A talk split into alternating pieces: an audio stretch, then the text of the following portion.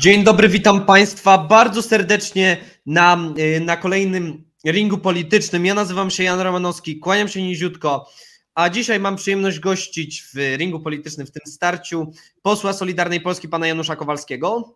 Raczej ring dzisiaj będzie energetyczny. Miło mi, witam serdecznie, dzień dobry. Jak najbardziej mam nadzieję, że będzie dużo, dużo energii oraz re, zastępcę redaktora naczelnego portalu Energetyki24, pana Jakuba Wiecha. Dzień dobry. Dzień dobry Państwu. Tak jak już wspomniał pan poseł, e, będziemy dzisiaj rozmawiali o polityce klimatycznej, e, także zachęcamy, będzie na pewno bardzo ciekawa, e, merytoryczna, pełna, pełna emocji dyskusja. Jeszcze zanim zaczniemy, przypomnę Państwu zasady dzisiejszej debaty. Pierwsze, debata będzie składała się z pięciu segmentów. Pierwsze, pierwsze trzy segmenty, w pierwszych trzech segmentach panowie będą odpowiadali na moje pytanie, będą mieli sześć minut na odpowiedź, podzielone na trzy, trzy wypowiedzi po dwie minuty przeplatane przez siebie. Następnie będzie czas na segment, segment pytań wzajemnych, a zakończymy wolnymi wypowiedziami. Także panowie, chyba wszystko już jasne, możemy przechodzić do najciekawszej części dzisiejszego programu, czyli do dyskusji. W poniedziałek 20 września Trybunał Sprawiedliwości Unii Europejskiej zadecydował o ukaraniu Polski za niezamknięcie kopalni węgla brunatnego w Turowie. Czy uważacie panowie wyrok Trybunału Sprawiedliwości Unii Europejskiej za sprawiedliwy i czy rząd powinien zaprzestać wydobycia węgla w Turowie? Jako pierwszy na tak postawione pytanie odpowie pan redaktor Jakub Wiech. E, małe sprostowanie, nie wyrok, a jedynie postanowienie dotyczące środka tymczasowego. E, I ten, e, to postanowienie z września, jak i to poprzednie postanowienie z maja tego roku, to są środki zbyt daleko idące, biorąc pod uwagę naszą lokalną specyfikę, jeżeli chodzi zarówno o system elektroenergetyczny, jak i regionalne uwarunkowania, w których istnieje i, i pracuje kompleks turów. Otóż patrząc przez pryzmat naszego systemu elektroenergetycznego, to Wyłączenie Turowa można porównać do sytuacji, w której jedziemy w daleką podróż mocno zdezelowanym i awaryjnym autem i wyjmujemy sobie w trakcie tej podróży koło zapasowe. Turów odgrywa tutaj moim zdaniem rolę takiego koła zapasowego, który może zostać rzucony e, na mm, krytyczny odcinek w sytuacji, kiedy to będzie niezbędne i dzięki temu uratować e, naszą, naszą podróż, w ogóle e, pozwalając nam dojechać do celu. Nas, nasz system elektroenergetyczny, oparty w przeważającej większości na blokach węglowych, ma to do siebie, że jest niestety podatny na pewne awarie. Mieliśmy tego przykład w tym roku, kiedy awaria w jednej ze stacji rozdzielczych odprowadzających energię z elektrowni Bełchatów doprowadziła do wyrzucenia z miksu, z naszego systemu elektroenergetycznego prawie 4 GW mocy. E, niedługo później zapalił się taśmociąg właśnie w elektrowni Bełchatów i również trzeba było odstawić jeden z bloków. Takie wydarzenia się zdarzają. W ubiegłym roku zalało elektrownię Bełchatów i również mieliśmy problem z podażą e, mocy. Musi nastatować wtedy import. Natomiast e, ubytek tych 2 GW, jakie są zainstalowane w Turowie, a z tym się będzie wiązać zamknięcie kopalni czy wstrzymanie pracy kopalni, byłoby dla nas niepotrzebnym, zbyt daleko idącym ryzykiem, e, które naraziłoby nas nawet na utratę stabilności systemu elektroenergetycznego w tym skrajnym przypadku. Oczywiście do tego postanowienia nie musiało dojść, e, spór można było rozstrzygnąć znacznie wcześniej polubownie, niemniej to e, postanowienie, to orzeczenie trzeba uważać jako zbyt daleko idące. Dziękuję bardzo i teraz dwie minuty dla pana posła Janusza Kowalskiego. Po pierwsze nie ma żadnego postanowienia, ponieważ e, ta decyzja e, pani sędzi e, z Hiszpanii w sprawie kopalni Bogatynia, która dostarcza surowiec, czyli węgiel brunatny do elektrowni Turów jest absolutnie bezprawna, nie ma żadnych podstaw traktatowych. Po pierwsze i najważniejsze jest to, że w traktacie o funkcjonowaniu Unii Europejskiej nie ma podstawy prawnej do tego, aby w sporze między państwami nakładać na drugie państwo na wniosek e, państwa e, skarżącego karę pieniężną. Nie ma takiego wniosku, więc jest to całkowita uzurpacja Trybunału Sprawiedliwości Unii Europejskiej. W mojej ocenie jest to oczywiście czynione po to, aby przetestować model, w którym decyzje gospodarcze Rzeczpospolitej Polskiej, również w zakresie suwerenności energetycznej w dużej mierze związane z planami rozwoju energetyki jądrowej mogą być w przeszłości hamowane przez takie bezprawne e, decyzje Trybunału Sprawiedliwości Unii Europejskiej. Jest to pewnego rodzaju test, to jest moja opinia i jej się trzymamy. Jeżeli chodzi o praworządność, to nie ma to z praworządnością nic wspólnego. I drugi oczywiście wymiar, wymiar dotyczący bezpieczeństwa energetycznego. No, wiemy, że elektrownia Turów e, to jest około 7-8% e, produkcji energii elektrycznej w Polsce, dostarcza jest energia elektryczna do prawie 4 milionów gospodarstw domowych w naszym kraju. Decyzja CUE, która nakazuje w istocie przerwanie dostaw energii elektrycznej dla 4 milionów gospodarstw domowych w Polsce jest absolutnie absurdalna i nie mająca nic wspólnego z rzeczywistością, z pewną logiką funkcjonowania wymiaru sprawiedliwości, który powinien rozstrzygać spory, a nie ingerować w decyzje gospodarcze. Natomiast ja oczywiście bronię konsekwentnie węgla i bronię konsekwentnie suwerenności energetycznej opartej o brunatny i kamienny. Co do oczywiście awarii w obszarze elektroenergetyki węglowej, to chcę przypomnieć, że to też jest pokłosie braku inwestycji w energetykę węglową. Trzeba zdecydowanie zwiększyć te inwestycje, a pamiętajmy, że w najtrudniejszych momentach to właśnie energetyka węglowa ratuje takie gospodarki jak Niemcy, Szwecja czy Słowacja w sytuacji, kiedy odnawialne źródła energii zawodzą, ponieważ są to niestałe źródła wytwarzania I energii. I tu, panie pośle, postawmy na razie kropkę. W kolejną wypowiedź tutaj w kolejnym segmencie, tutaj oczywiście w ramach tego samego pytania, kolejne dwie minuty przy tym samym pytaniu. Zostajemy dalej przy kwestii Turowa, pan redaktor Jakub Wiech. E, tutaj dodam do tej e, wyliczanki powodów, dla których e, kopalnia i elektrownia Turów powinny zostać utrzymane przy pracy jeszcze dwie ważne rzeczy. Mianowicie sam kompleks Turów to jest źródło zatrudnienia dla nawet 80 tysięcy mieszkańców regionu, którzy przy jego zamknięciu znaleźli się w bardzo trudnej sytuacji. Poza tym jest to też jednostka, która dostarcza energię cieplną, ciepło systemowe dla regionu Bogatyni. No i e, warto podkreślić to, co, na co zwrócił uwagę już szef e, Polskiej Sieci Elektroenergetycznych, mianowicie, że w, w elektrowni Turów, przy elektrowni Turów funkcjonuje bardzo ważny węzeł przesyłowy dla energii elektrycznej, przy, który przy jej odstawieniu od systemu no, mógłby ograniczyć nasze możliwości importu energii elektrycznej z ze wschodnich Niemiec, z kierunku, z którego e, importujemy moc, kiedy u nas e, jej e, brakuje. Co do tego, co stwierdził pan poseł Kowalski dotyczący w kwestii bezprawności postanowienia TSUE,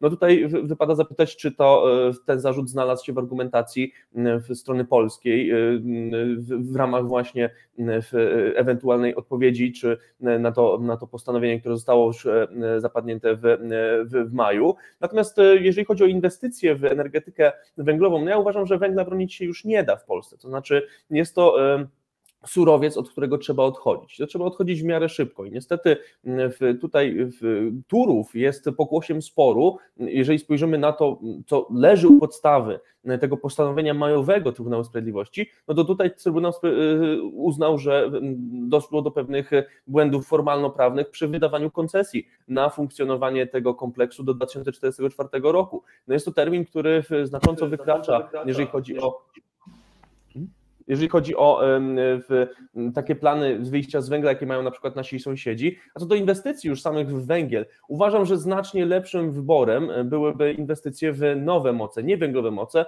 Możemy tutaj brać przykład od naszych e, południowych sąsiadów, nie Czechów, chociaż też do pewnego stopnia również ich, ale przede wszystkim Słowaków, którzy za dwa lata będą mieli praktycznie bezemisyjną energetykę. Osiągną to dzięki e, inwestycjom w e, atom, który jest bezemisyjnym źródłem energii. No i teraz Słowacy będą mogli być no, uodpornieni na rygory, jakie niesie za sobą unijna polityka klimatyczna, która będzie węgiel, węgiel coraz bardziej przyduszać. O, o węglu, szanowni panowie, o węglu i o y, pewnie energetyce atomowej, w związku z tym jeszcze porozmawiamy przy okazji drugiego pytania. A teraz jeszcze w kwestii Turowa kolejne dwie minuty dla posła Kowalskiego.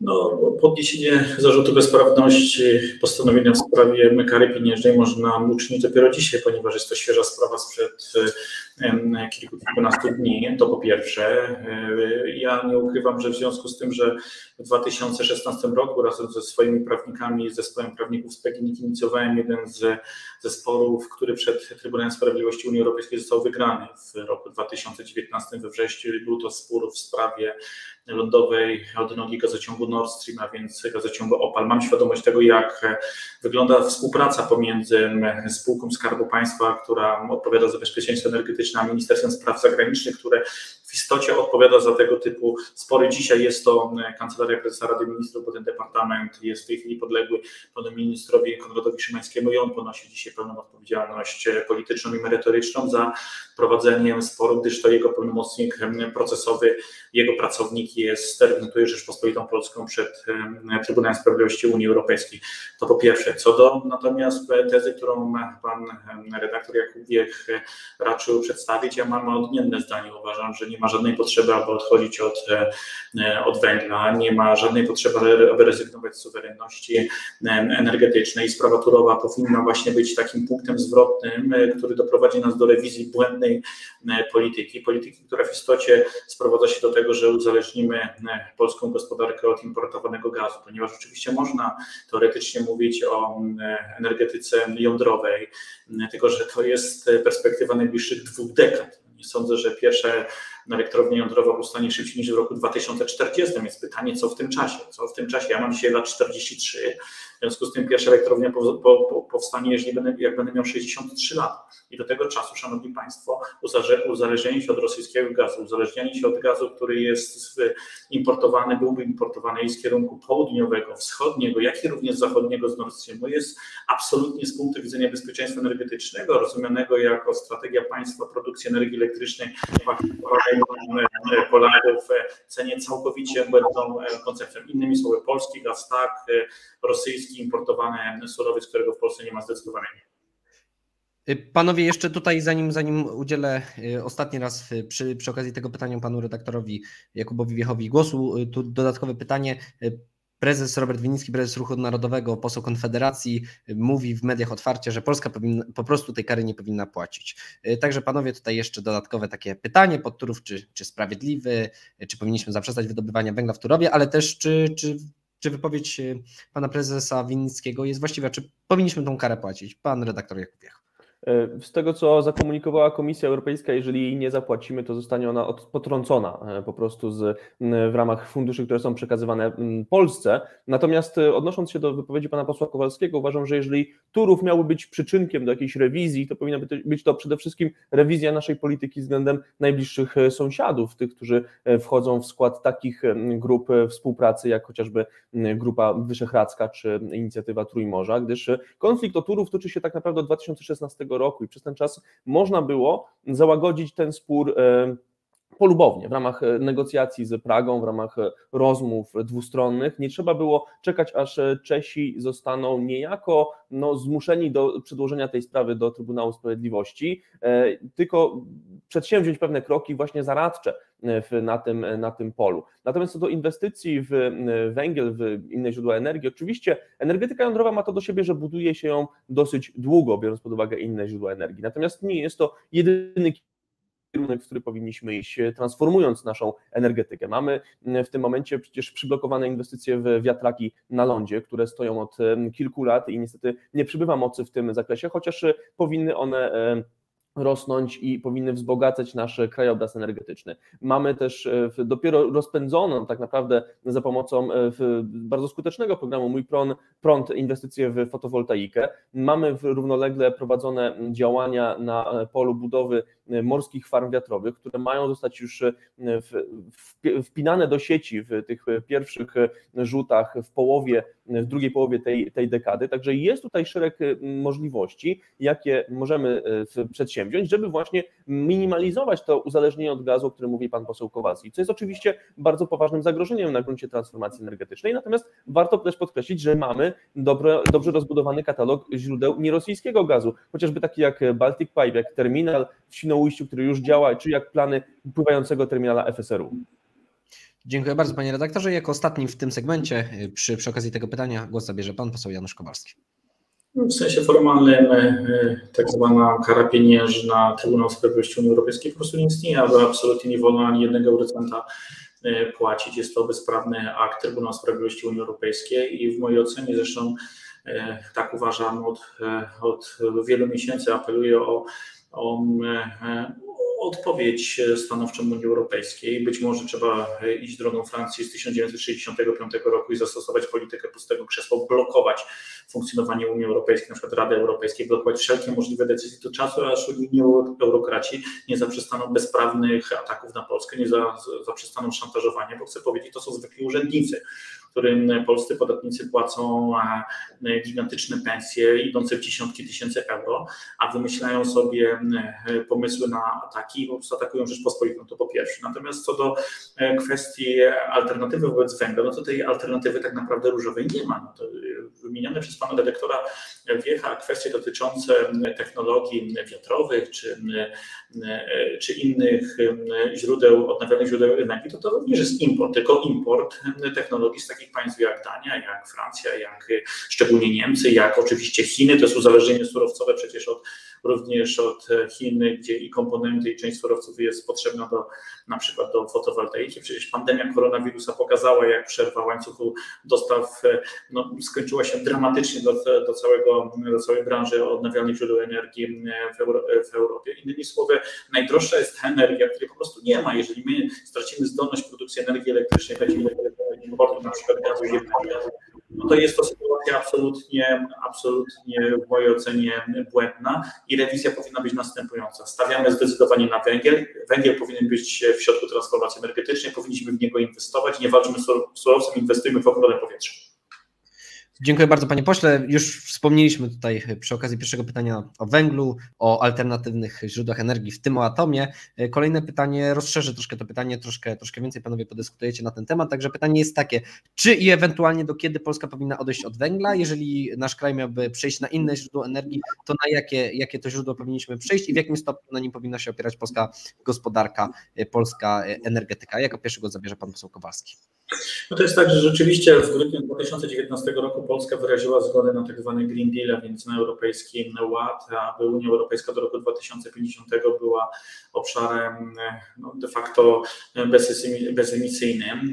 I to oznacza, że wyraziliśmy zgodę na taką szybką ideologiczną dekarbonizację. W 2020 roku w lipcu zostało wpisane na forum Rady Europejskiej w politykę budżetową, budżet Unii Europejskiej, polityka klimatyczna, co trzecie euro musi być ideologicznie wydawane na politykę klimatyczną. Do tej pory tak nie było, a kilka miesięcy później, w grudniu 2020 roku, zaostrzono cele klimatyczne całkowicie absurdalne, nielogiczne z punktu widzenia ekonomicznego.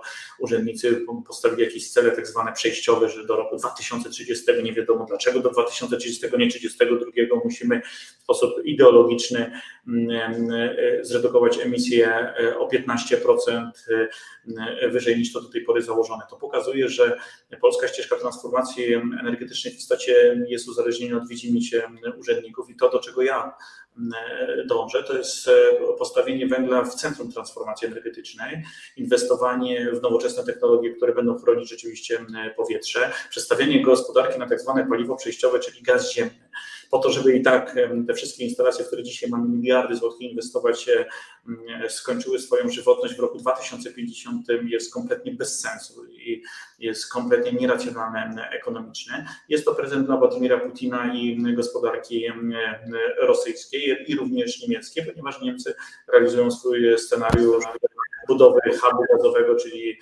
takiego centrum do handlu gazem dla wszystkich państw Unii Europejskiej. My niestety w ten scenariusz się wpisujemy i rzeczywiście trzeba od tego absolutnie odejść i postawić na polski węgiel, polską suwerenność energetyczną. Dziękuję bardzo panie pośle. Pan redaktor Jakub Wiech. Halo, halo, panie redaktorze, czy się słyszymy? Halo, halo, bo tu mam wrażenie, że czy, czy się słyszymy? Halo, halo? Tu jest wrażenie, widać obraz, ale pana, pana redaktora Wiecha straciliśmy. Także, no, y, panie pośle, żeby, żebyśmy nie siedzieli tutaj w ciszy takiej, nie wiadomo jakiej, czekając na, y, na, na pana. A, jest pan redaktor z nami, może, może teraz mu będzie działał. Panie teraz. redaktor, się słyszymy teraz. Świetnie. Tak. Proszę bardzo, tak dwie minuty. Mhm. Dobrze. Zaczynając od e, podstawowego pytania, czy Polska powinna odchodzić od węgla? Polska już odchodzi od węgla. Widzimy to bardzo dobrze, gdyż e, Po pierwsze, nasze wydobycie węgla spada, nie jest, jeżeli chodzi o węgiel kamienny, nie jesteśmy w stanie już zaspokoić własnych potrzeb e, energetycznych naszym węglem, który importujemy z różnych kierunków, e, między innymi z Rosji, skąd czerpiemy najwięcej teraz e, tego surowca, jeżeli chodzi o import. To też warte do podkreślenia, że budowa nowych mocy w węglu również wiąże się z importem zagranicznych technologii, tych niemieckich, ale też tych chińskich, które są stosowane w energetyce węglowej i to nie jest tak, że jesteśmy w stanie niezależnie technologicznie postawić wyłącznie na polskie rozwiązania w tym, w tym zakresie. Co do finansowych kosztów operowania energetyki węglowej, to w latach 1990-2016 do tego biznesu w postaci górnictwa oraz energetyki węglowej dopłaciliśmy my wszyscy podatnicy w około 230 miliardów złotych. To jest prawie ćwierć biliona złotych. Za takie pieniądze można było sobie zrobić dwa programy jądrowe, jakie w tym momencie planujemy, których koszt wynosi mniej więcej 120-130 miliardów e, złotych i dzięki temu Polska byłaby drugą Francją. Mielibyśmy bowiem e, około 60, tak kalkuluję, że może nawet 70% e, atomu w miksie energetycznym. Natomiast ten, nasze górnictwo węglowe, to węgle kamiennego oczywiście, bo na nim się skupiamy, jest w fatalnym stanie. To znaczy mamy bardzo zczerpane, bardzo głębokie pokłady, które sięgają nawet 1300 metrów pod powierzchnię Ziemi. Dla porównania, krajach takich jak Rosja czy Australia węgiel kamienny wydobywa się metodą odkrywkową. Wystarczy wykopać lekko dziurę w ziemi i z poziomu kilkudziesięciu metrów ściągać węgiel. To jest znacznie prostsze i przede wszystkim znacznie tańsze. Dlatego w tym momencie bardziej opłaca się ściągnąć węgiel z Australii, e, czyli wykopać go w Australii, załadować na statek, przewieźć przez oceany, wyładować w porcie w Gdańsku e, i dowieźć do elektrowni, niż zrobić to w niektórych kopalniach na Śląsku. Jedynie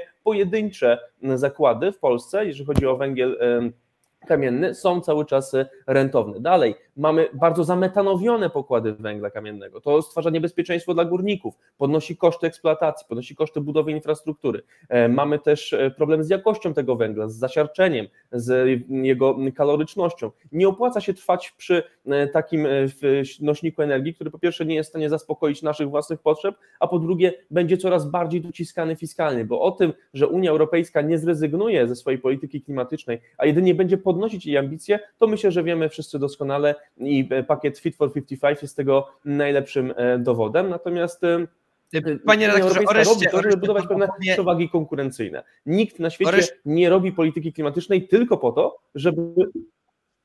Mhm. O reszcie usłyszymy, proszę Państwa, od redaktora Jakuba Wiecha w kolejnym segmencie, w kolejnych jego dwóch minutach. Pan poseł Kowalski. No panie redaktorze Jakubie Wiech, no tak jakbym słyszał prawie panią Gretę Thunberg. No taki atak e, na węgiel całkowicie w mojej ocenie chybiony. No wystarczy sobie spojrzeć na gigantyczne koszty dotacji odnawialnych źródeł energii, tych miliardów euro, które zostały poniesione przez Niemcy, a emisje w Niemczech są najwyższe dzisiaj w Europie, oczywiście jeżeli chodzi o źródło per capita, czyli per, na, na głowę. Oczywiście są inne państwa, które mają jeszcze większe emisje. Na pewno nie jest to Polska, Luksemburg, Czechy, Irlandia czy Holandia ma większe emisje e, na głowę. Jeżeli chodzi o węgiel, to nic podobnego. Zagłębie lubelskie na Lubelszczyźnie są znakomita, są znakomita sytuacja ekologiczna. E, wystarczy tylko inwestować w węgiel i można z 9-10 milionów ton w ciągu e, kilku lat podwyższyć wydobycie do, do 20 milionów, to dlaczego mamy rezygnować z węgla? Możemy inwestować również odkrywkę złotych przy elektrowni Bełchatów, największej elektrowni. Najważniejsze jest pytanie, dlaczego mamy rezygnować z własnego surowca, który mamy na terenie Rzeczpospolitej na rzecz importu surowca zewnętrznego, gazu ziemnego? Proszę mi odpowiedzieć na to pytanie. No dzisiaj mamy sytuację, pan Stelmasiak przed chwileczką na Twitterze zapytał z tygodnika niedzieli, jak odniesiemy się dzisiaj do dzisiejszej sytuacji na rynku gazu. No ja jako były wiceprezes PGNiG mogę powiedzieć jasno, mówiłem o tym od półtora roku. To, że ceny gazu nigdy nie będą tak niskie, jak były 5-6 miesięcy temu i zostały podwyższone od wzrost 300% w ciągu ostatniego pół roku, to, było oczywiste. No, z, polityka Unii Europejskiej do tego doprowadziła, że popyt na gaz jest dużo większy. Innymi słowy, przestawianie Polski na drogi gaz importowany, którego i tak nie ma, który może być w każdej chwili od strony geopolitycznej, politycznej Polsce odcięty, przy jakimkolwiek kryzysie geopolitycznym Polska stanie się absolutnie bezbronna, no jest naprawdę zapałą, e, zapałkami e, przy stogu siana. Innymi słowy, zdecydowanie trzeba inwestować w węgiel, w, na przykład na Lubelszczyźnie, w Bogdankę, e, nie odwracać się od węgla, inwestować w węgiel i inwestować w nowoczesne spalanie węgla, również w zielony wodór, na przykład z węgla brunatnego, jak robią to Australijczycy. Nie odwracajmy się od węgla, naprawdę, nie wolno się odwracać od węgla. Dziękuję bardzo, redaktor Jakub. Panie pośle, no zielony wodór to nie jest z węgla brunatnego, to jest e, z elektrolizy właśnie dzięki źródłom odnawialnym. I oczywiście każdy, kto zna moją publicystykę, wie, jak krytycznie jestem nastawiony do niemieckiej transformacji energetycznej, która moim zdaniem jest e, czymś zupełnie e, przeciwstawnym względem tego, co nam chodzi w ogóle w politykach klimatycznych. Natomiast Niemcy opanowali do mistrzostwa ten gospodarczy element swojej transformacji i oni zbudowali ten sektor OZE właśnie dzięki dotacjom i pewnym pewnym fluktuacjom finansowym wewnątrz Republiki Federalnej od zera i w tym momencie są e, europejskim liderem, jeżeli chodzi właśnie o te technologie. Natomiast e, patrząc na e, ogólnoświatowe podejście do węgla, to my też wiemy, że ten surowiec jest w fazie schyłkowej. Chiny ostatnio zapowiedziały, że nie będą już finansować inwestycji w węgiel e, poza swoimi granicami. Same również e, rezygnują z e, energetyki węglowej, ograniczając jej udział w swoim miksie energetycznym, chociaż to jest najbardziej węglowe państwo świata i ma bardzo dużo za uszami,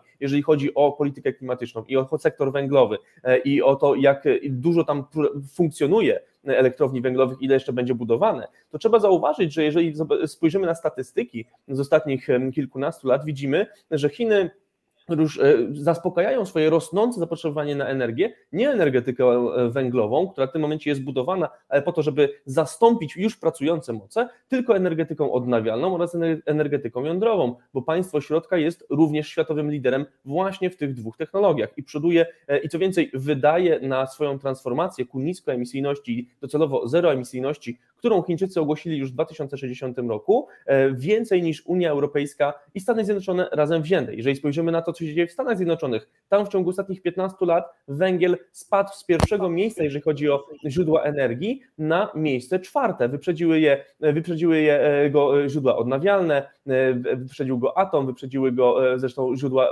gazowe, które najbardziej się dynamicznie rozwijały więc widać, że ten e, surowiec, surowiec węglowy traci w najbardziej rozwiniętych gospodarkach, pomimo nawet takiej polityki, jaką realizował prezydent Donald Trump, który przecież z hasła Trump Dick Call uczynił sobie jedno z e, sztandarów e, wyborczych. Natomiast co do zaspokojenia w, w Polski w gaz, no, mamy całkiem szerokie pole manewru w tym zakresie. Mamy przecież podpisane umowy ze stroną amerykańską i z Katarem na dostawy bardzo dużych wolumenów gazu skroplonego do Polski. Mamy budowany gazociąg do Norwegii Mamy zresztą plany zwiększenia własnego wydobycia, a także pozyskiwania tu postawmy kropkę na razie. biometanu. Tu postawmy kropkę, dziękuję bardzo. Panowie, jeszcze tutaj zaraz po ostatniej wypowiedzi właśnie w kwestii węgla, w kwestii przechodzenia na inne źródła energii, ale jeszcze, jeszcze dorzucę po raz kolejny dodatkowe pytanie w ostatnim segmencie. Mm, obaj panowie się identyfikujecie z szeroko pojętą prawicą. Jak powinna się zachować prawica? Jakie powinno być stanowisko e, prawicy w, w sprawie transformacji energetycznej? Pan poseł Janusz Kowalski. Prawica powinna przede wszystkim zwracać uwagę na interes narodowy, a nie na ideologię. I sytuacja Polski jest absolutnie wyjątkowa na tle państw Unii Europejskiej. I patrząc na twarde liczby, wbrew temu, co mówi pan Jakub Wiek, to wydobycie węgla na całym świecie rośnie, a nie maleje. To jest 7-8 miliardów ton rocznie i rzeczywiście takie państwa jak Chiny, jak Japonia, jak Australia czy Stany Zjednoczone dalej inwestują w węgiel.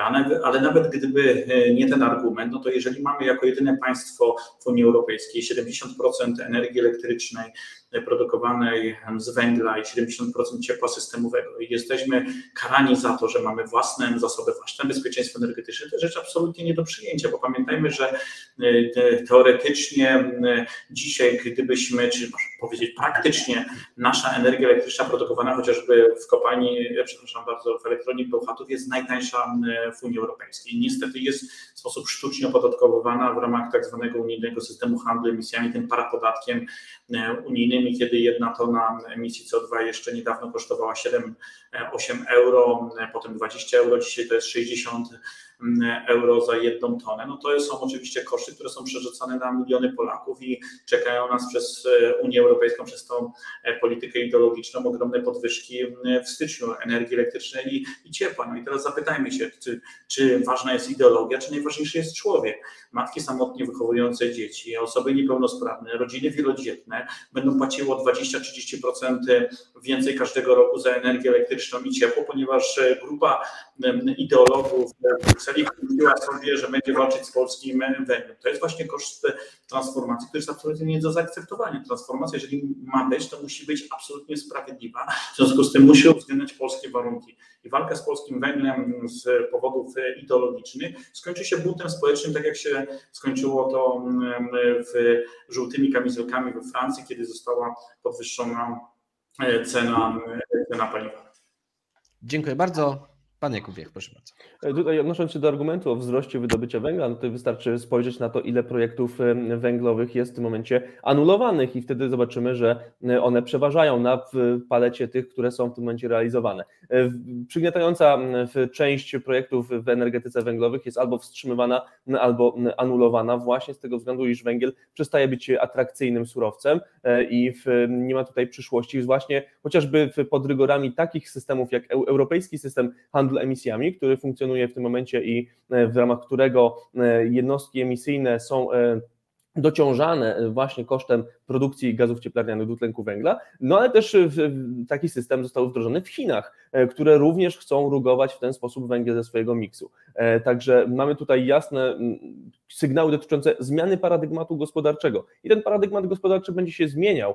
To widać zwłaszcza w Unii Europejskiej, ale to widać też w innych gospodarkach e, świata, które zmierzają do zmniejszenia swojej emisyjności. No i tutaj odnosząc się do takiego argumentu ad misericordiam dotyczącego właśnie matek z dziećmi, no warto zauważyć, że e, ten proces, który e, obserwujemy proces wykluwania się nowej, bardzo ambitnej i faktycznie niosącej ze sobą pewne zagrożenia, obciążenia polityki energetycznej Unii Europejskiej, to nie jest coś niespodziewanego. Jeżeli spojrzymy na ostatnie lata e, działań Unii Europejskiej na tym polu, to dowiemy się na przykład, że Unia Europejska już w 2011 roku, czyli 10 lat temu, podjęła decyzję o tym, że e, do roku 2050 obniży e, swoje emisje o nawet 95%. To jest poziom bardzo bliski tej neutralności klimatycznej, która została zadekretowana de facto dwa lata temu. Więc przez ten czas mieliśmy szansę na przygotowanie się do tego typu mm, działań i tego typu ambicji. W 2007 roku, kiedy został przyjęty pakiet rozwiązań na rok 2020, też wiedzieliśmy, w którą stronę będzie szła unijna polityka klimatyczna. Niestety nie, nie, nie, nie zmusiliśmy siebie do transformacji właśnie w tym kierunku. Przegapiliśmy nasze szanse i w tym momencie wpadliśmy w węglową pułapkę, e, która dla nas oznacza właśnie ten wzrost cen energii. Niestety nasza transformacja energetyczna przez ostatnie 30 lat praktycznie nie istniała ona może była taka wyspowa i polegała chociażby na zwiększeniu e, naszej odporności na zawirowania na rynku gazu powodowane przez politycznych graczy takich jak Gazprom, natomiast nie uwzględniła trendów, które wynikały z polityki Unii Europejskiej, a przecież przynależymy do tej organizacji i powinniśmy działać tak, żeby odnajdywać się w niej jak najlepiej i tworzyć sobie jak najsilniejszą pozycję polityczną oraz gospodarczą. Dziękuję bardzo. Y, panowie, wspominaliśmy już kilka razy, wspominali panowie już kilka razy właśnie o kwestiach pracowników, szczególnie przy okazji Turowa i jest to ogólnie jeden, jedno z najważniejszych zagadnień przy okazji rozmów, debat na temat transformacji ustrojowej, y, przepraszam, nie ustrojowej, tylko y, energetycznej. Także panowie, jak powinna wyglądać przyszła restrukturyzacja oraz przebranżawianie górników i pracowników sektora energetycznego? Jako pierwszy na tak postawione pytanie odpowie pan Jakub Wiech.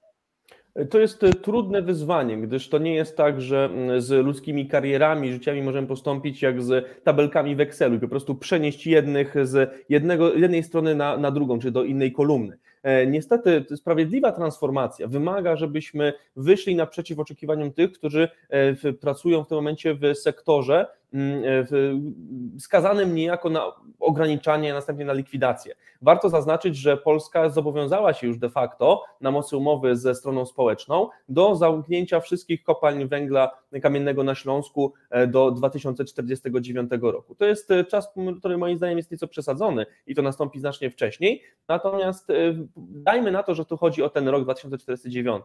Możemy czerpać z doświadczeń naszego zachodniego sąsiada. Jeszcze raz podkreślę, przy całej mojej krytyce dotyczącej niemieckiej transformacji energetycznej, jej wpływu, który jest destrukcyjny na spoistość Unii Europejskiej. Trzeba jednak dostrzec, że Niemcy robią to po to, żeby budować własną pozycję, budować własną siłę e, i oni dzięki, dzięki temu będą mieli konkretne narzędzia wpływu na inne gospodarki. I osiągnęli to między innymi właśnie zamykając swoje kopalnie węgla e, kamiennego, e, rozwiązując ten, ten, ten kwestię, gdyż Niemcy przez lata subsydiowali wydobycie tego surowca u siebie i w roku 2007 podjęli decyzję, żeby zamknąć swoje ostatnie kopalnie, żeby wygasić ten sektor i przerzucić się w całość całości na import. E, warto tutaj zaznaczyć właśnie tę perspektywę, e, którą Niemcy e, przyjęli, gdyż tutaj mówimy o przestrzeni 11 lat, w, w jakiej to zostało podjęte, bo w 2007 roku mieliśmy decyzję o zakończeniu subsydiowania, w 2018 zamknięto ostatnie kopalnie w Niemczech. Przez ten czas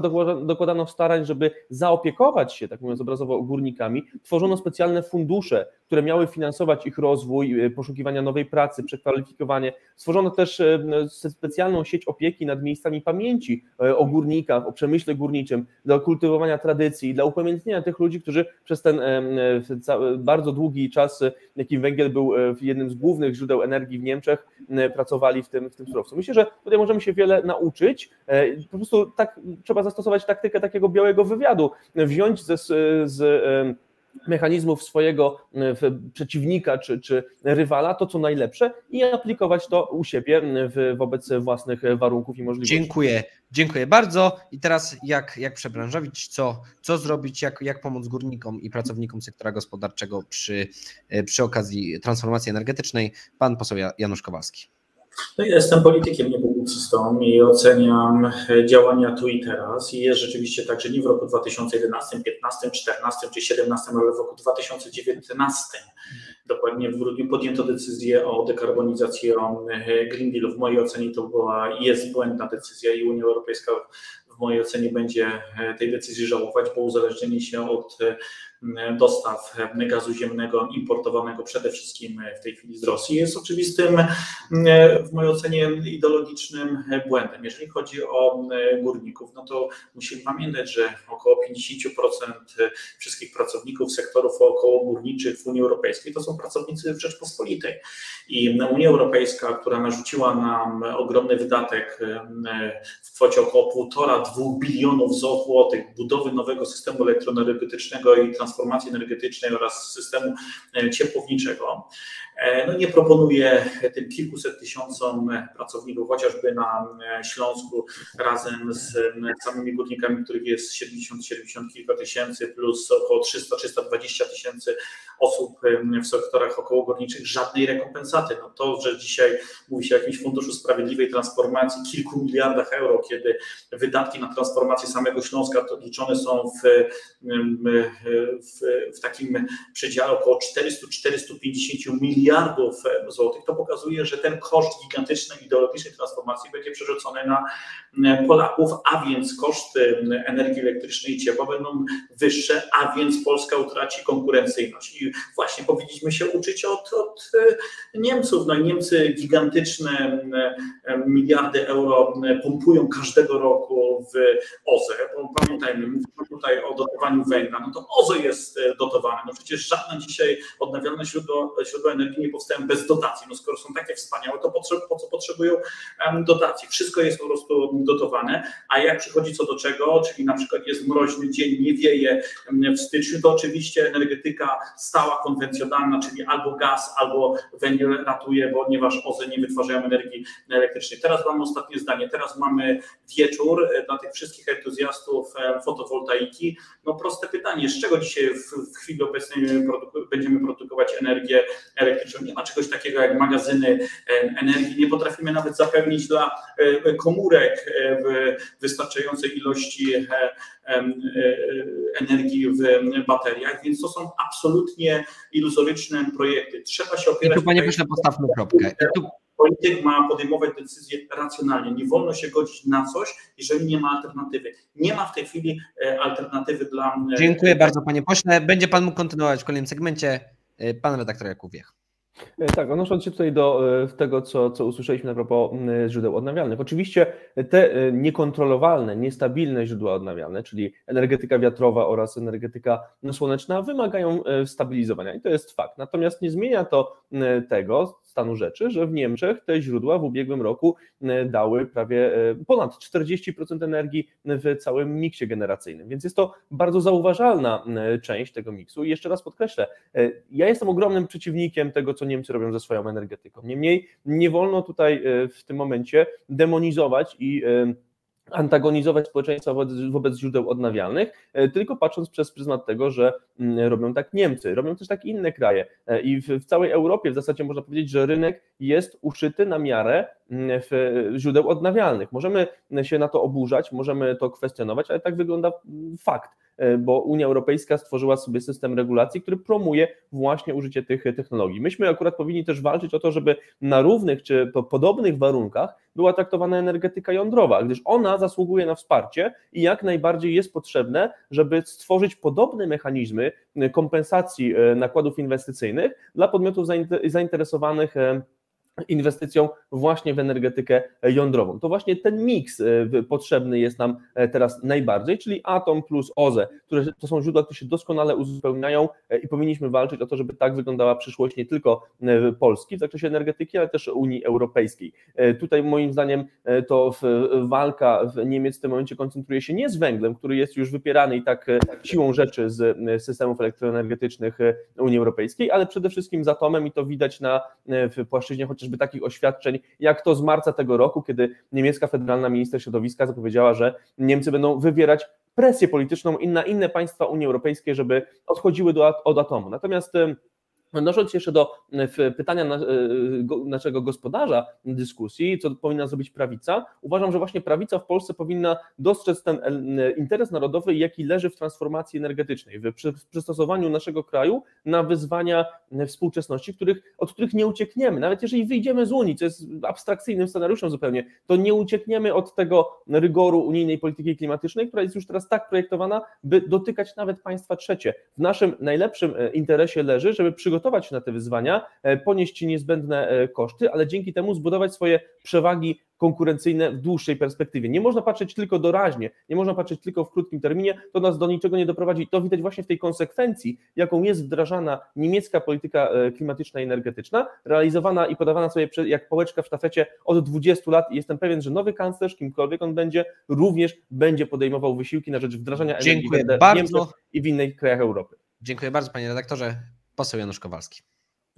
Pan redaktor Jakub no, sam sobie jednak zaprzecza, no, bo z jednej strony zauważa oczywiście słusznie, że Niemcy zrobią wszystko, żeby blokować rozwój energetyki jądrowej w Polsce, która tak jak powiedziałem, jestem politykiem, nie publicystą i powstanie wcześniej niż za 20 lat a żyjemy tu i teraz, a nie jest rok 2035 czy 2040. Nie mamy nawet decyzji lokalizacyjnej co do polskiej pierwszej elektrowni jądrowej. Skoro Niemcy zrobią wszystko, żeby zablokować e, energetykę jądrową, no to nie mam żadnej wątpliwości, że tak jak zablokowały e, inwestycje w polski węgiel i zmusiły Polskę do ideologicznej dekarbonizacji, jeszcze 5 lat temu nikt w Unii Europejskiej nie mówił, że mamy zamykać kopalnie. Jeszcze 4 lata temu, 3 lata temu nikt o tym nie mówił, że mamy zamykać e, kopalnie. No to nie trzeba mieć naprawdę jakiejś wielkiej wyobraźni, żeby, żeby wysnuć te Niemcy zrobią wszystko, żeby nasze plany energetyczne zablokować. Ale tak jak powiedziałem, dzisiaj największym E, problemem dla transformacji energetycznej jest sam unijny system handlu emisjami. No chcę powiedzieć, że w roku 2021 polska gospodarka per capita, znaczy per saldo będzie potrzebować około 170 milionów ton e, uprawnień. Mamy bezpłatnych uprawnień około 105 milionów ton, czyli deficyt to jest 65 milionów ton razy 60 euro to jest 18 miliardów złotych. Co to oznacza? Oznacza to, że polskie firmy, ciepłownie, chemia, metalurgia, elektroenergetyka zapłacą 18 miliardów złotych za uprawnienia, bo kupią je na giełdzie w Lipsku przy, w Londynie i te pieniądze bezpowrotnie z Polski zostaną wytransferowane. A te pieniądze powinny być zainwestowane w polską gospodarkę. 18 miliardów razy 7-letnia perspektywa budżetowa to jest ponad 120 miliardów złotych, ale oczywiście ceny uprawnień będą i tak rosły. To pokazuje, jak sam system unijnego systemu handlu emisjami hamuje transformację energetyczną, bo za te 120 miliardów złotych można by wybudować w Polsce trzy elektrownie jądrowe. Innymi słowy, sami biurokraci unijni wymyślając system, który ma nas zachęcać od tego, żeby odchodzić od węgla, hamują transformację a dzisiaj unijny budżet jest tak skonstruowany, że jedynym beneficjentem transformacji energetycznej w Polsce będą oczywiście niemieckie firmy, bo będziemy kupować e, niemieckie technologie, wiatraki, szroty i tak dalej, po to, żeby e, przekonywać się, że inwestujemy w odpowiednie technologie. Tylko problem polega na tym, problem polega na tym, że jak zabraknie w Polsce gazu, a jeżeli dzisiaj zużywamy 20 miliardów metrów sześciennych gazu, a chcemy tego gazu zużywać 37-40 miliardów metrów sześciennych gazu, a więc kupować znowu rosyjski surowiec, to wtedy oczywiście zadamy sobie pytanie, kto doprowadził do tego, że Polska przestała być suwerennym, suwerennym państwem i nie jest w stanie produkować energii elektrycznej i produkować ciepła we własnym, na własnym terytorium. To jest kluczowe pytanie. I więc ostatnie pytanie. Więc panie redaktorze, panie redaktorze Jakubie Wiech, proste pytanie. Skoro za 20 lat mamy e, dopiero energetykę jądrową, to co w międzyczasie? Przecież e, ani z OZE nie wyprodukujemy energii elektrycznej, nie zastąpimy ją węglem, to tylko i wyłącznie gaz ziemny, więc wchodzimy nie w pułapkę węglową, ale w pułapkę gazową. I to, co dzisiaj się dzieje, to szaleństwo ceny na, na rynku, I tu, panie, I tu, panie proszę, postawmy kropkę, bo jeszcze będzie czas na wzajemne pytania. Teraz po ostatnie dwie minuty dla obu panów w segmencie pytań ode mnie, redaktor Jakubiech. E, tak, tutaj było bardzo dużo wątków, natomiast zacznijmy od e, tego pytania, e, które postawił pan poseł Kowalski. Mianowicie trzeba budować inne moce, między innymi też moce gazowe, ale nie tylko, również moce w zakresie źródeł odnawialnych, takich chociażby zaniedbywanych jak biomasa, której w Polsce również możemy przez pewien czas używać. Natomiast odnosząc się do innych argumentów, co do tego, że tutaj przeczę sam sobie, no nie widzę tutaj sprzeczności, gdyż owszem, Niemcy prowadzą pewną politykę antyjądrową i widać to bardzo wyraźnie w, w krokach, które podejmują. Natomiast nie przeszkadza to takim państwom jak e, Czechy, Słowacja, Węgry, Rumunia, Bułgaria, żeby realizować własne projekty jądrowe. Mam wrażenie, że Polska jednak e, politycznie e, zwłaszcza biorąc pod uwagę nasze powiązania z Niemcami, nie jest gospodarcze, nie jest słabsza niż na przykład Bułgaria, która jednak pozwala sobie budować elektrownie jądrowe pomimo ewentualnych niemieckich nacisków, czy też Rumunia, która też rozwija ten segment energetyki. Co do importu szrotu z Niemiec, tutaj rozumiem, że chodzi chociażby o stare wiatraki, no to jest niemożliwe bo mamy zakaz instalowania turbin wiatrowych starszych niż określone w ustawie w urządzenia, także to, to nie jest możliwe w tym momencie, żebyśmy się stali takim składowiskiem starych, starych wiatraków. I co do tego w, w kontekstu, w którym się w tym momencie obracamy, czyli najbliższej dekady inwestycji w różne moce, tutaj ja się zgodzę z tym, że jesteśmy w pewnej pułapce, natomiast ta pułapka pojawiła się dużo wcześniej. Mianowicie myśmy wiedzieli od pewnego już czasu, że trzeba nasz system elektroenergetyczny transformować czas tak czy siak obojętnie od tego, czy Unia Europejska będzie miała jakąś politykę klimatyczną, czy nie. Wynika to z tego, że nasze elektrownie węglowe po prostu się starzeją, są stare, dobiegają już do końca swoich dni i muszą być zastępowane. Natomiast od dawna też wiedzieliśmy, że rygory unijnej polityki klimatycznej będą nas kierunkowały na inne moce e, i e, niż węgiel. Nie będziemy w stanie już zastępować tych bloków węglowych tym samym paliwem. E, I niestety, patrząc z perspektywy tutaj publicysty, ja mogę tylko napominać rząd, żeby przyspieszył na przykład projekt jądrowy, wiedząc, oczywiście, że tutaj trwają już pewne rozmowy pod tym kątem, niemniej e, no, jesteśmy w pilnej potrzebie inwestycji, które będą e, działały jako zasklepienie takiej luki generacyjnej, o której już teraz ostrzega nas Urząd Regulacji Energetyki. Natomiast węgiel nie jest tutaj rozwiązaniem, gdyż mamy tak naprawdę, tak jak użyłem na początku tej rozmowy, porównanie do zdezelowanego auta, właśnie awaryjny e, system e, oparty na jednostkach węglowych, który może doprowadzić do poważnych problemów. I te problemy widzieliśmy na przykład na, e, w, w dwóch awariach występujących w zasadzie rok po roku w elektrowni Bełchatów, elektrowni węglowej. Czas na nowe moce, tylko te moce nie mogą być już węglowe. I tutaj węgiel też nie jest ucieczką od importu, Ostatnie dwa zdania, panie redaktorze. technologii, bo węgiel też importujemy w porażających ilościach. Dziękuję bardzo. I ostatni, jako ostatni głos w segmencie pytań ode mnie zabierze pan poseł Janusz Kowalski. Tak jak powiedziałem, jestem politykiem, nie publicystą i na każde z tych decyzji, która była proponowana przez Unię Europejską, powinniśmy postawić absolutne weto i powiedzieć nie, nie powinniśmy się godzić ani na Green nie powinniśmy zaostrzać polityki klimatycznej, nie powinniśmy stawiać na błękitne paliwo, czyli na e, gaz ziemny. Nie możemy się obrażać na to, że jesteśmy dzisiaj suwerennym państwem i możemy produkować energię elektryczną z własnych e, zasobów i w mojej ocenie Polska powinna prowadzić asertywną politykę klimatyczną w Unii Europejskiej i oczywiście publicystycznie to wszystko ładnie brzmi, ale tak jak powiedziałem, za 20 lat będziemy mieć pierwszą elektrownię jądrową, jeżeli w ogóle, ponieważ Niemcy zrobią wszystko politycznie, żeby ją zablokować, a za rok już możemy mieć ogromny kryzys gazowy, ponieważ kończy się kontrakt jamalski 31 grudnia 2022 i trzeba być absolutnie naiwnym, żeby nie, nie rozumieć tego, że Gazprom zrobi wszystko, żeby od 1 stycznia przejąć polski rynek gazu, który będzie rynkiem otwartym na konkurencję i tak naprawdę wtedy konkurencja się rozpocznie. Pojawi się Gazprom Polska, który zaproponuje dumpingowe ceny dla spółek Skarbu Państwa, dla Azotów, dla, dla Orlenu, dla e, e, różnych e, dużych odbiorców gazu ziemnego i zobaczymy wtedy, jak polskie bezpieczeństwo będzie narażone właśnie na ten, te fluktuacje kontaktów z partnerem ze wschodu, również przez podstawione firmy. To się oczywiście będzie działo na naszych oczach i te niebezpieczeństwa niestety się realizują. I w mojej ocenie, ja dlatego broniłem absolutnie elektrowni e, w Ostrołęce, która powinna być w mojej ocenie dokończona na, dokończona na węgiel, między innymi na węgiel e, z Bogdanki, ponieważ dzisiaj istnieje cały czas niebezpieczeństwo, że zostanie podłączona na przykład do, bezpośrednio do Jamały i będzie to e, gaz z, z Rosji. A pamiętajmy, że mm, zwiększone zużycie gazu i te nowe inwestycje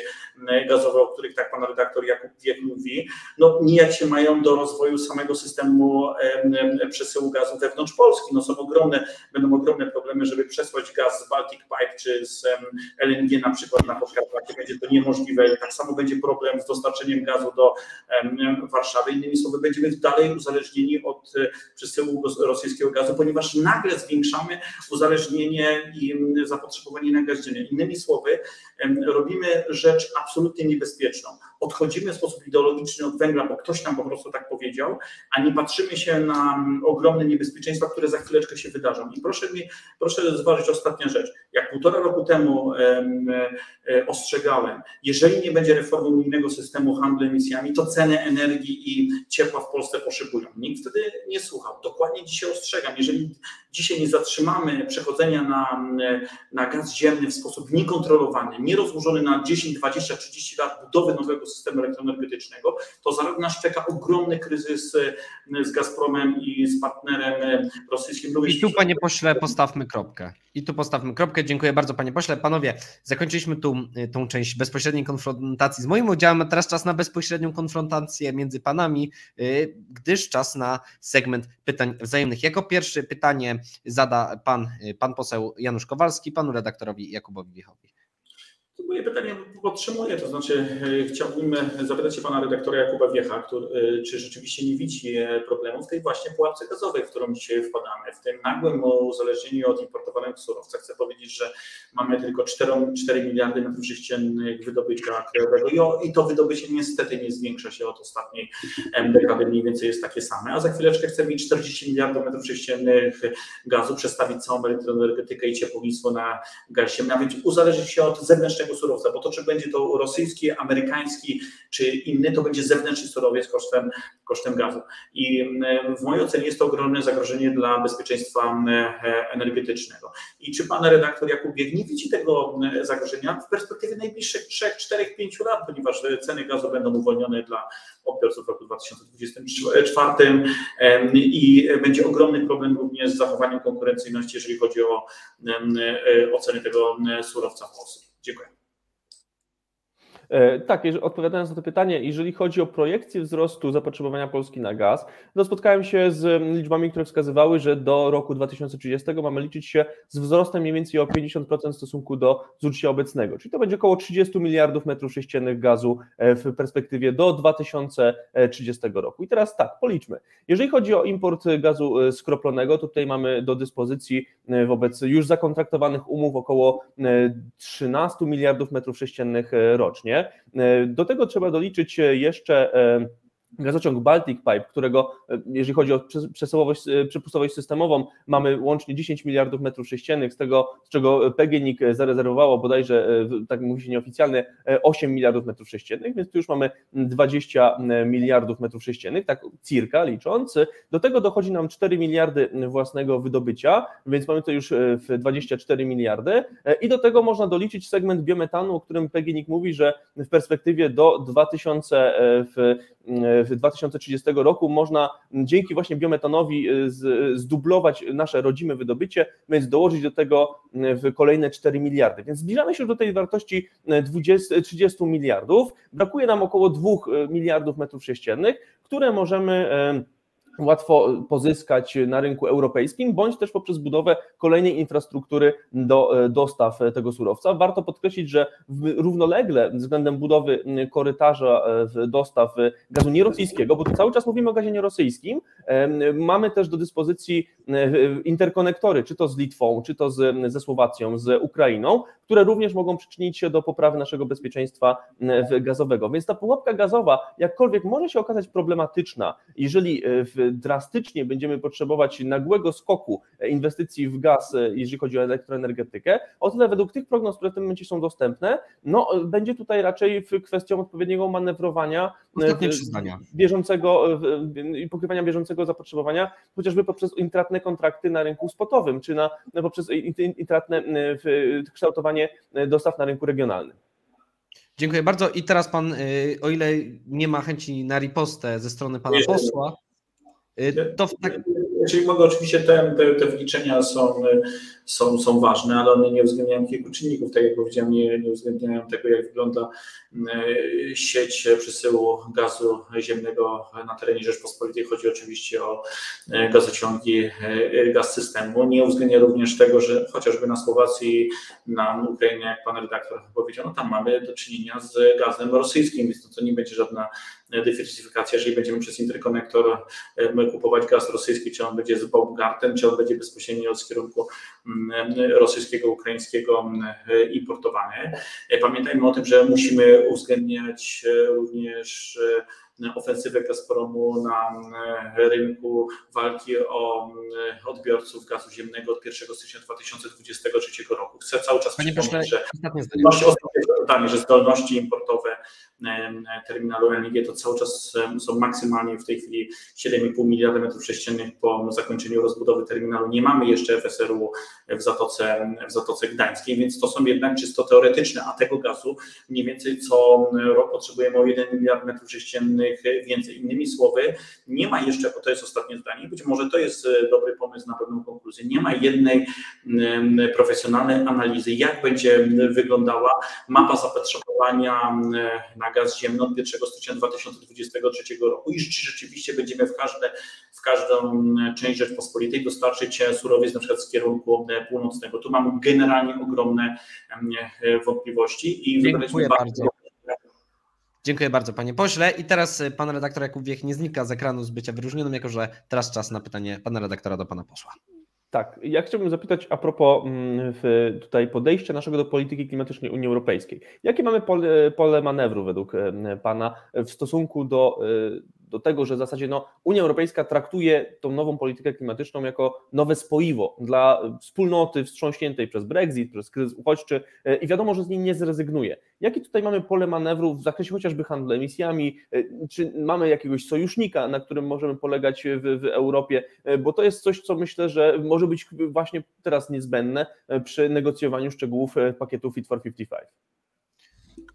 Pan Sojusznicem są przede wszystkim Polacy, którzy w mojej ocenie nie zgodzą się na drastyczne podwyżki cen energii ciepła. Zresztą widać już e, takie ruchy również społeczne w innych państwach Europy, chociażby w Hiszpanii czy, we Francji. To po pierwsze. Po drugie, w mojej ocenie akurat paradoksalnie Niemcy będą naszym sojusznikiem i mogą być naszym sojusznikiem, ponieważ również wpadają w taką pułapkę, że z jednej strony chcą rezygnować z energii atomowej, z drugiej strony z energii wytwarzanej z węgla i za chwileczkę Niemcy będą mieć problem w ogóle, z czego będą produkować energię elektryczną na, na swoim terytorium.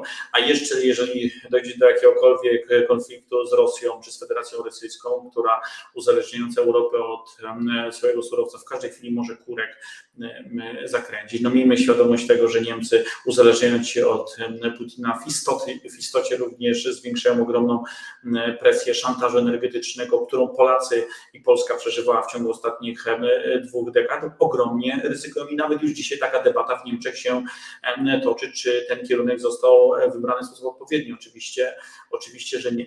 Innymi słowy, na pytanie, jaką mamy dzisiaj alternatywę. Po pierwsze, no, trzeba sobie jasno powiedzieć, decyzje dotyczące zgody na bezkrytyczną politykę klimatyczną były błędne. To jest moje zdanie, tego zdania ja i Solidarna Polska nie zmieniliśmy. Uważamy, że to był błąd. To niestety były nasze decyzje. I dzisiaj co można zrobić? W mojej ocenie wrócić do, do uznania następującej sytuacji. Mamy stan zagrożenia bezpieczeństwa energetycznego Polski, ponieważ unijny system handlu emisjami w istocie zagraża bezpieczeństwu energetycznemu Polski. Te spekulacyjne ceny uprawnień, które w ciągu ostatnich 8 miesięcy wzrosło ponad 120%, to nie jest mechanizm sprzyjający bezpieczeństwu energetycznemu i musimy zbudować w oparciu o polską ustawę PL ETS zgodny z celami unijnej klimatycznej, tylko ta polska ścieżka powinna uwzględniać polskie realia, więc sprawiedliwa transformacja powinna uwzględniać e, sytuację, w której jesteśmy dzisiaj oparci o produkcję energii elektrycznej z węgla i z ciepła. Jest to możliwe. Druga kwestia, oczywiście rewizja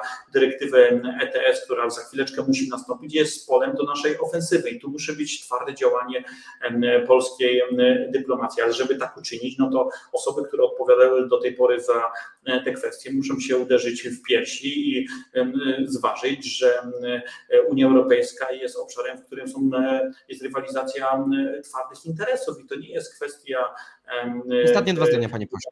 Jakoś to będzie, tylko trzeba twardo być asertywnym i bronić polskiego e, punktu widzenia. Innymi słowy, póki nie mamy alternatywy dla polskiego węgla, tej alternatywy nie mamy, bo nie jest w mojej ocenie tą alternatywą gaz ziemny, a energia jądrowa to dopiero za dwie dekady. Nie wolno rezygnować z węgla, ponieważ jest to zagrożenie dla bezpieczeństwa energetycznego Polski i dla polskiego bezpieczeństwa jako takiego. Czy pan redaktor wyraża chęci riposty, czy przechodzimy do wolnych wypowiedzi? Tak, znaczy jeżeli chodzi o właśnie tą alternatywę dla węgla, to znaczy my musimy tworzyć alternatywę dla węgla, tak czy siak. E, I e, tutaj problem polega na tym, że myśmy niestety w tę lukę generacyjną, to oczywiście jest problemem, ja się z tym jak najbardziej zgadzam i to moim zdaniem jest niedoceniany w debacie publicznej problem. To, z czego my będziemy brać energię w najbliższych latach, e, no, ta luka degeneracyjna też troszeczkę na nasze życzenie, bo właśnie odkładaliśmy tę transformację energetyczną jako coś, co jest fanaberią Unii Europejskiej i z czego prawdopodobnie nic nie wyjdzie e, i co się rozejdzie po kosztach. Cało się jednak inaczej. Niestety teraz e, no, gramy e, na takim musiku energetycznym, niemniej to jest sytuacja, w której musimy się obracać i to jest sytuacja, w której musimy znaleźć trafne rozwiązania i, kon, i konsekwentnie je wdrażać. Dziękuję bardzo. Panowie, także teraz przechodzimy do ostatniego segmentu, y, czyli do wolnych wypowiedzi. Po dwie minuty dla każdego z panów na podsumowanie, ostatnie argumenty, zwrócenie się do widzów. Y, jak panowie chcą, to są dla panów dwie minuty. Jako pierwszy, y, pierwsze dwie minuty dla redaktora Jakuba Biecha. Dziękuję serdecznie. E, tak, no, ja się bardzo cieszę z tej dyskusji. To znaczy, e, przede wszystkim widać, że no, różnimy się diametralnie co do e, kwestii podejścia do węgla jako nośnika energii. I tutaj, w, no, moim zdaniem, te perspektywy, jakie są określone przed tym surowcem, są jednoznacznie negatywne i to jest paliwo, które jest schyłkowe. Natomiast e, bardzo bym chciał, żeby właśnie taka energia oraz pewne przewidywanie dotyczące zagrożeń, jakie prezentuje pan, pan poseł Kowalski, bo tutaj się zgadzamy co do większości z nich, tak? Zgadzamy się do tego, że będziemy mieć e, problem z luką generacyjną. Zgadzamy się co do tego, że będziemy mieć e, zagrożenie no, pewnymi fluktuacjami na polu rynku gazu. Zgadzamy się z tym, że mamy agresywne dwa duże bloki obok siebie, czyli Niemcy i Rosję, które używają polityki energetycznej do, do celów no, politycznych. Zgadzamy się też z tym, że jesteśmy tutaj, może nie, nie wprost to zostało wyrażone, ale moim zdaniem zgadzamy się w tym, że jesteśmy opóźnieni, jeżeli chodzi o budowę nowych mocy. Chciałbym, żeby ta, ta energia została właśnie wykorzystana na poczet no, realizacji programu energetycznego Polski, który będzie jednak dążył do, do wzmocnienia pewnych przewag e, konkurencyjnych naszego kraju na gruncie tych warunków, na których gra e, pozostała część Unii Europejskiej, bo myślę, że tutaj e, jesteśmy teraz takim węglowym rodzynkiem w Unii, gdyż Nasz kraj ma najwyższy procent udziału węgla w miksie energetycznym. Mamy też bardzo wysoką intensywność emisji w Unii Europejskiej, w zasadzie chyba najwyższą, albo tuż po Estonii, która czerpie swoje, swoją energię ze źródeł e, bitumicznych, z piasków bitumicznych, e, z łupów bitumicznych, przepraszam. E, I tutaj no, musimy, musimy to zmienić. Musimy to zmienić, tylko jednocześnie starać się też od, od, odpierać te zagrożenia, które na nas jakby czyhają. I w tym kontekście chciałbym, żeby właśnie ta energia i ta, to myślenie strategiczne zostało użyte właśnie w tym celu. I myślę, że to może być takie tak jak dla Unii Europejskiej polityka klimatyczna jest e, spoiwem, tak dla e, polskiej sceny politycznej, również ta polityka e, transformacji Polski w kierunku, który wiedzie nas do neutralności klimatycznej, również może być nowym spoiwem. My możemy, biorąc pod uwagę skalę naszych wyzwań, być liderem europejskiej transformacji energetycznej. Możemy pokazać światu, jak wielkich rzeczy jesteśmy w stanie dokonać, tylko to wymaga pewnej spójności i przede wszystkim konsekwencji w realizacji tychże, tychże założeń. I tu postawmy kropkę. Dziękuję bardzo. Dwie minuty, poseł Janusz Kowalski. Dziękuję bardzo za tą ciekawą dyskusję. No to było zderzenie e, świata polityki ze światem e, powiedziałem, decyzje trzeba podejmować tu i teraz, uwzględnieniem dzisiejszych realiów, a nie e, publicystycznego e, e, wishful thinking. A sytuacja jest oczywiście następująca. Rezygnacja z polskiego węgla to jest uzależnienie się od rosyjskiego gazu. Ja chcę powiedzieć, że to, że dzisiaj mamy polski węgiel, to można postawić następującą tezę. Jesteśmy najbardziej bezpieczni, jeżeli chodzi o produkcję energii elektrycznej i ciepła w Unii Europejskiej, ponieważ nie zależymy od widzimisię Władimira Putina. I pytanie, czy mamy z tego rezygnować? No, oczywiście, że nie. A mamy do czynienia ze światem unijnych eurokratów, który każdego dnia wymyślają coraz bardziej absurdalny pomysł. No, dzisiejszy pomysł w ramach e, pakietu e, Fit for 55 jest następujący, że do, do roku 2035 nie będziemy mogli jeździć z samochodami e, z napędem spalinowym. Innymi słowy, oczekujmy, że za chwileczkę unijni eurokraci zaproponują, aby ten cały europodatek ETS-u był również w cenie paliwa i nagle się okaże, że nie tylko energia elektryczna, nie tylko ciepło, ale w ogóle jazda samochodem, latanie samolotem stanie się jakimś kompletnym luksusem. Znaczy to, co dzisiaj się dzieje w Unii Europejskiej, nie, nie mam żadnej wątpliwości, niechybnie do, doprowadzi do rozpadu Unii Europejskiej ani Polacy, ani mieszkańcy Unii Europejskiej nie wytrzymają tych gigantycznych e, fanaberii unijnych eurokratów, którzy zarabiają kilkadziesiąt tysięcy euro, jak Franz Timmermans, który paraduje z tą tęczową flagą, zamiast zajmować się rozwiązywaniem gospodarczych problemów i prowadzi do tego, że ubóstwo energetyczne staje się dzisiaj problemem numer jeden nie tylko w Polsce, ale w Unii Europejskiej.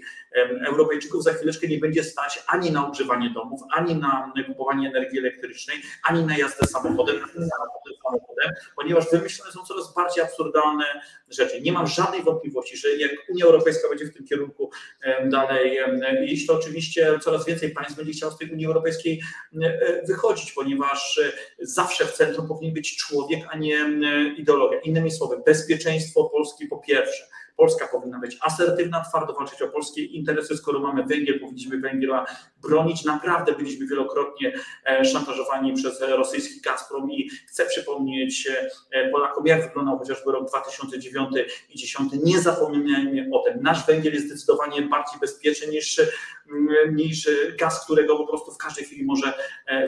Jest to błędna koncepcja, musi być rewizja polityki energetycznej, polityki unijnej, a dzisiejsze szaleństwo z cenami gazu ziemnego na świecie i Europa powinno być takim kubłem e, zimnej wody, który tych wszystkich e, euroentuzjastów otrzeźwi i jeszcze raz zacznijmy naprawdę inwestować w polski węgiel, w polskie bezpieczeństwo energetyczne. Dziękuję. I tu panie pośle postawimy kropkę. Dziękuję bardzo. Proszę Państwa, to była bardzo, bardzo ciekawa pełna energii debata na temat polityki energetycznej. Moimi Państwa gośćmi byli poseł Solidarnej Polski Janusz Kowalski. Dziękuję bardzo serdecznie pana redaktora Jakuba Wiecha. Pozdrawiam i zachęcam do lektury jego książki Energiewende, znakomita książka o niemieckiej transformacji. Nie popełniajmy błędów niemieckiej transformacji. Dziękuję uprzejmie. Oraz właśnie wspomniany redaktor Jakub Wiech, Defense24. Dziękuję serdecznie. Również zachęcam do lektury tej książki, zwłaszcza ostatniego rozdziału, który nawołuje, żebyśmy zbudowali polską Energiewendę i za to trzymajmy kciuki. Dziękuję. Dziękuję panu bardzo. Ja jeszcze zapraszam y, państwa bardzo serdecznie y, za już 20 y, minut tak naprawdę na komentarz polityczny z udziałem innymi Kingi Gajewskiej z Koalicji Obywatelskiej, Krystiana Kamińskiego z Konfederacji, Roberta Obaza z Lewicy oraz Mariusza Goska z Solidarnej Polski na temat sytuacji na granicy oraz na temat jutrzejszego, zaczynającego się jutro 38 posiedzenia Sejmu. Ja Państwu raz jeszcze bardzo dziękuję, nazywam się Jan Romanowski, a to był Ring Polityczny. Kłaniam się nisko, do widzenia, do zobaczenia za 20 minut.